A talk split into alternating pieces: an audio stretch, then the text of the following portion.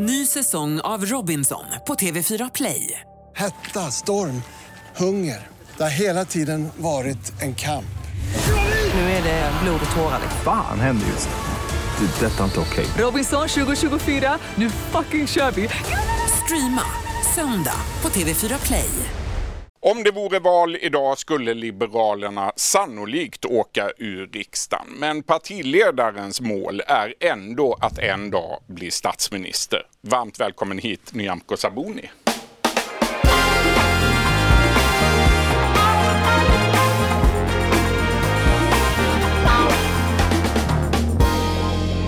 Du eh, Nyamko, Expressen publicerar idag en ny mätning från Sifo som visar att 61 procent av väljarna tycker att man ska samarbeta med Sverigedemokraterna i frågor där man tycker lika. Vad tänker du om det?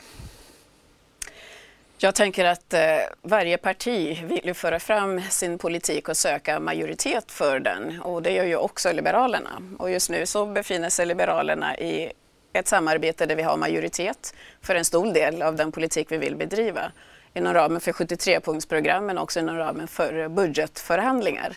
Så att eh, för vår del så är det ju ingenting som egentligen är aktuellt att tänka på denna mandatperiod närmaste tiden.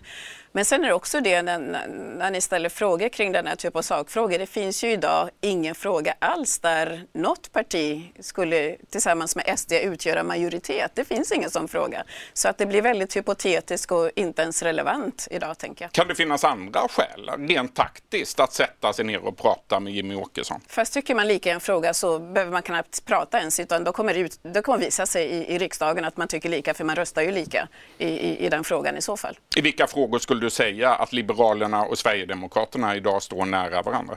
Eh, det vet jag inte för det går jag inte att tänka på. Du har förmodligen, Finns det du några har, sådana du har förmodligen bättre koll än jag på det. Utan jag har ju fokus på Liberalernas eh, politik, hur vi utvecklar den, hur vi får igenom den inom ramen för eh, det samarbete som pågår nu.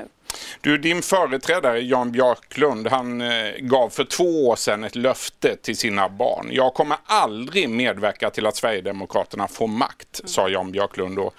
Har du gett dina barn motsvarande löfte? Nej, det skulle jag inte göra. Det Varför skulle då? jag inte göra. Eh, det handlar inte om mig och mina barn, det handlar inte om min familj, det handlar om vårt land. Och jag tänker mig att eh, det finns många andra partier vars vä- värdegrund vi delar, som ligger närmare oss, som vi skulle samarbeta med och ge makt. Så att eh, jag ser inte att det överhuvudtaget egentligen finns anledning att prata om vem man inte ger makt eller inte. Det är svenska folket som till slut avgör vem som har makt i vårt land. Var det klumpigt sagt av din företrädare Jan Nej, Björklund? menar, jag tror att han försökte beskriva vad han känner och det är helt okej att han gör det. Så att, eh, sen, sen, vi har ju alla olika sätt att förhålla oss till och förklara vad vi vill och inte vill. Så jag bara säger att jag skulle nog inte utgå från min familj för att ge löfte kring hur Sverige ska styras i framtiden. Vi vet ju nu att Jimmy Åkesson han har fått sitta ner och prata sakpolitik med Babush Thor. Han vill gärna sätta sig ner också med moderatledaren. Vad svarar du om man kontaktar dig och vill ha ett möte och sätta sig ner och kanske äta lunch och diskutera sakpolitik? Jimmy Åkesson, Jimmy Åkesson. om han vill prata med mig så har han mitt nummer, det är bara att ringa. Jag Han har jag, ditt nummer? Jag har, inga, jag har inte problem att prata med, med någon av partiledarna. Jag har pratat med alla partiledare, jag har introducerat mig som ny partiledare och jag tycker det är inte mer än artigt att ska vi träffas i olika debatter så är det bra att vi har pratat med varandra. Så att det är inga konstigheter. När gav du Jimmy Åkesson ditt telefonnummer? Samtidigt som alla andra partiledare fick det. Du har varit partiledare nu i fyra månader, lite knappt. Eh, Nyamko Sabuni, blev det som du hade tänkt dig?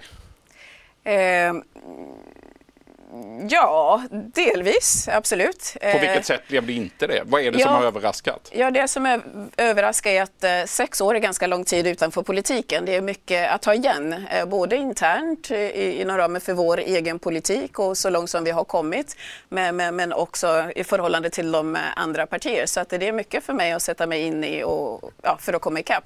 Men annars är allt annat, eh, det är väldigt trevligt. Jag gillar att debattera, jag tycker om de interna samtalen som vi har. Jag tycker om att resa och träffa medlemmar och se den entusiasm som finns runt om i landet. Inte minst eh, gillar jag att träffa väljare och lyssna på vad har de för utmaningar, vad är det de förväntar sig av oss som parti att eh, vi ska ge svar på. Så ja, det är bara spännande. Utmaningarna är stora för dig också. Opinionsläget är onekligen bekymmersamt för Liberalerna. Varför går det inte bättre för ditt parti?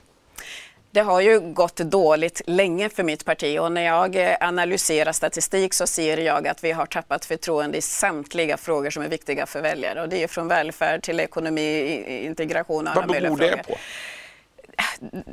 Jag har ju sagt det tidigare att jag tror att det beror mycket på att vi har velat prata mycket mer om vad vi själva är intresserade av än vad väljarna vill ha svar på. Och det är därför som jag försöker vända på steken och säga var ute där, träffa väljare, ta reda på vilka utmaningar de ser och sen ge svar på de frågorna. Och kan vi göra det, jag tillsammans med, med, med, med mina medlemmar, så tror jag också att vi kommer vända trenden, att vi kommer bygga förtroende för vår politik återigen. Och när vi har förtroende för politiken så kommer det också visa sig i opinionssiffror. Ni håller landsmöte i Västerås om tre veckor. Eh, rubriken för det mötet är Möjligheternas land. Vad lägger du i det begreppet? I det begreppet lägger jag i vad politiken kan göra för att enskilda personer ska kunna göra sina livsval, ska kunna förverkliga sina livsdrömmar. En viktig del är ju självklart skola. Som bildningsparti så vet vi att eh, skola och bildning lägger viktig grund för barnen att kunna göra sina livsval och, och, och leva upp till sina drömmar. Och för varje barn vi misslyckas med i skolan så har vi stakat ut en annan bana Många av dem kommer hamna in i den kriminella banan och därmed har vi stoppat deras möjligheter att eh, se Sverige som möjligheternas land. En annan, ett annat spår är ju de som kommer nya till vårt land. Hur skapar vi ett land för dem där de också känner att möjligheterna är öppna, de kan förverkliga sina drömmar. Och då handlar det om att jobba mycket med integration och integrationsprocesser. Jag tänker att jag är väldigt glad att stor del av den politik som vi diskuterade i början på 2000-talet när det gäller integration nu är allmän politik och mycket finns med inom ramen för januariavtalet. Om vi tittar på medborgarskapsfrågor när vi har jobbat med integration så har vi inte alltid haft ett mål egentligen. När är man integrerad och vad önskar vi? Men nu om man skulle kunna koppla den processen till medborgarskap. Jag menar, 60 procent vill bli, eller blir svenska medborgare och kanske fler vill bli. Om vi säger att för att bli medborgare så är språket viktigt, eh, samhällskunskapen är viktig och kan man uppfylla dessa saker så kan man också då göra det lättare för en att ta sig in i arbetslivet, ta sig in i det svenska samhället. Så att jag ser framför mig att vi har en bra chans att kunna få på plats bra struktur för integration med ett mål att man ska bli svensk medborgare, känna sig inkluderad och också få lojalitet till det här landet. Ni kommer också att lägga stort fokus på klimat vad jag förstår på landsmötet. Varför då? Exakt. Klimat är ju en eh, avgörande fråga för mänskligheten. Vi måste globalt eh, lösa det här med att eh, klimatet förstör våra hav, vår natur. Vi ser översvämningar. Vi kommer också se ökad fattigdom som är kopplad till eh, torka och så vidare. Så vi måste verkligen komma till rätta med klimatet. Och då måste vi utgå ifrån fakta och studera vad är det som orsakar utsläppen? Jo, det är fossila material. Vi behöver se till att eh, saker vi tillverkar, hur vi bygger, hur vi producerar saker, att det kan göras med till exempel fiber, träfiber istället för fossila ämnen.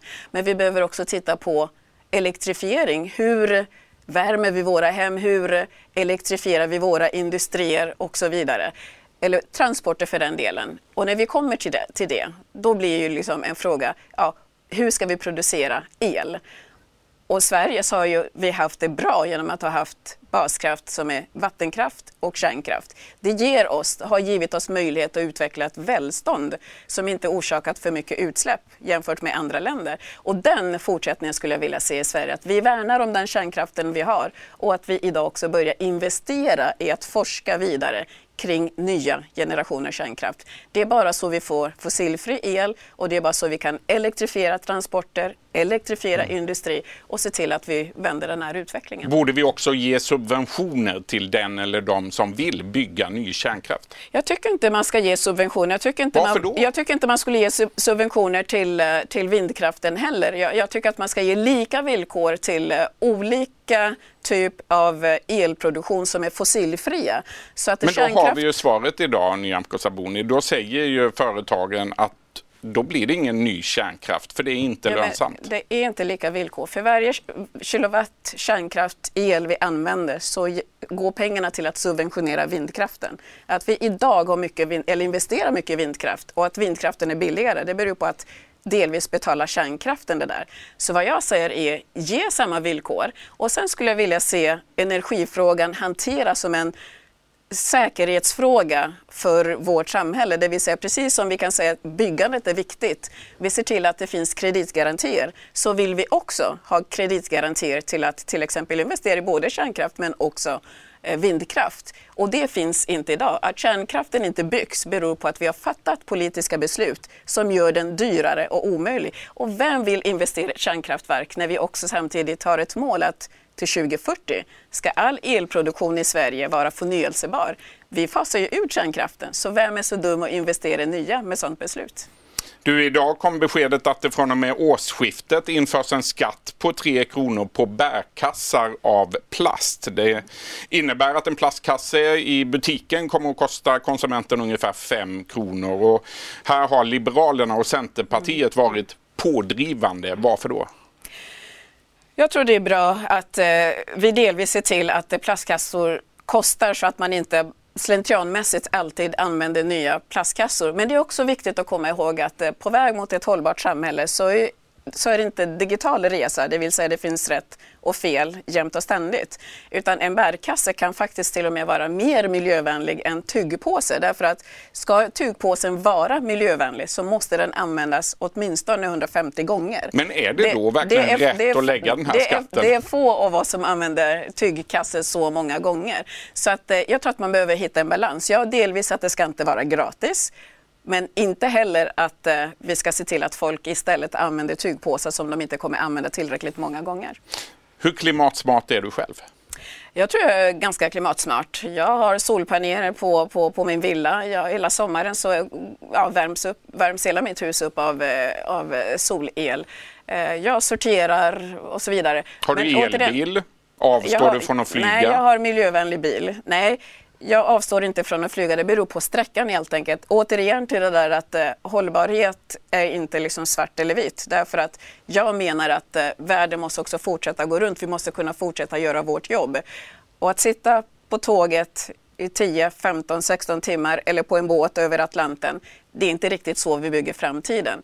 Vad vi behöver återigen är att kunna elektrifiera flyg till exempel. Man kanske tycker att, ja men vad pratar hon om? Men det är inte långt ifrån att det är möjligt. Det är inte det. Och innan dess så finns också renare bränsle för flyg. Det är bara att se till att eh, då de här flygbolagen faktiskt börjar använda det rena flyget. Där kan vi sätta ramar det kan vi beskatta och på annat sätt också ha styrmedel som gör att de använder rätt typ av bränsle. Vad tycker du om den 16-åriga klimataktivisten Greta Thunberg som ju faktiskt tog segelbåten över Atlanten? Ja, nej men eh, hon är ju aktivist och det är bra och hon har ju väckt debatt i, globalt ska jag säga. Så att, eh, hon kan ta sig tid att manifestera sin aktivism genom att ta båten. Men jag skulle inte vilja att det är våra statsråd till exempel som behöver resa i världen för att träffa kollegor, för att vara med i bilaterala samtal, att de satte sig på, på en båt. Ministrarna har inget att lära av Greta Thunberg? Nej, jag menar bara att de har, världen har inte tid att de ska sitta på en båt så länge, utan de måste utföra sitt jobb på ett mer effektivt mm. sätt för att vi ska kunna eh, omvandla, eller liksom gå in i den här omvandlingen som eh, vi behöver globalt. Nyamko Sabuni, ett av dina mål är att Liberalerna ska få statsministerposten någon gång i framtiden. Hur lång tid kommer det att ta? Jag skulle säga lite som eh, min kollega Ulf Kristersson sa, varje partiledare med, med, med, med självaktning önskar ju självklart att bli statsminister. Det är, inte så att, det är inte så att man blir partiledare för att inte vilja bli det. Men att, hur eh, ser planen dit ut? Ja, planen är nog bara att Liberalerna ska bli större och liberal, Liberalerna ska bli en relevant politisk kraft eh, i, i, i Sverige. Det kan, målet är ju inte liksom vi ska bli statsminister, man kan ju bli statsminister och bara 6 procent, mm. utan målet är att vi ska bli större så att vi har en större makt oavsett om vi sitter i regering eller i opposition. 2022, då är det val i Sverige nästa gång. Hur ser din drömregering ut efter nästa val? Nu säger du drömregering, ja, men mm. då kan jag säga eftersom det är en dröm, då är jag statsminister. Men det är också bara, det är en dröm. Det är en dröm. Att, eh, det går ju liksom det är en inte... önskedröm som ja, kanske inte ja, går i uppfyllelse. Som kanske inte men... går i uppfyllelse, men det är precis, där. men det, är precis det där. Så mm. att, eh, ja. Men det är drömmen. Mm. Om du redan nu tvingas välja då och eh, det kanske för din del är lite som att välja mellan pest och kolera. Men om du måste, vill du helst se en socialdemokratisk statsminister eller en moderat statsminister efter valet 2022? Går det att svara kommer- på den frågan? Det kan man inte göra. Vi kommer svara på den. Vi har sagt att vi ska återkomma i god tid in, innan valet 2022 och, och, och ge svar på vad vi önskar. Så, att, eh, så jag ber att få den tiden. Hur går det för dina medarbetare som nu sitter i ett kansli i regeringskansliet? Det går jättebra. Överhuvudtaget tror jag det är bra för Liberalerna att vi har människor i regeringskansliet för då får vi också tillgång till all information vi kan behöva. Så för mig känns det väldigt, väldigt bra och klokt att vi har människor placerade i regeringskansliet. Det underlättar samarbetet. Hon är inte lika klok som du, Centerpartiets ledare Annie Lööf, som valt att sitta utanför. De väljer att lösa det på annat sätt och det kanske funkar i alla fall. Det hade inte funkat lika bra för Liberalerna att inte sitta där faktiskt. Stort tack för att du kom hit idag, Liberalernas partiledare Nyamko Sabuni. Du har lyssnat på en podcast från Expressen. Ansvarig utgivare är Klas Granström. Ny säsong av Robinson på TV4 Play. Hetta, storm, hunger. Det har hela tiden varit en kamp. Nu är det blod och tårar. liksom. Fan händer just det. Det är detta inte okej. Robinson 2024, nu fucking kör vi! Streama söndag på TV4 Play.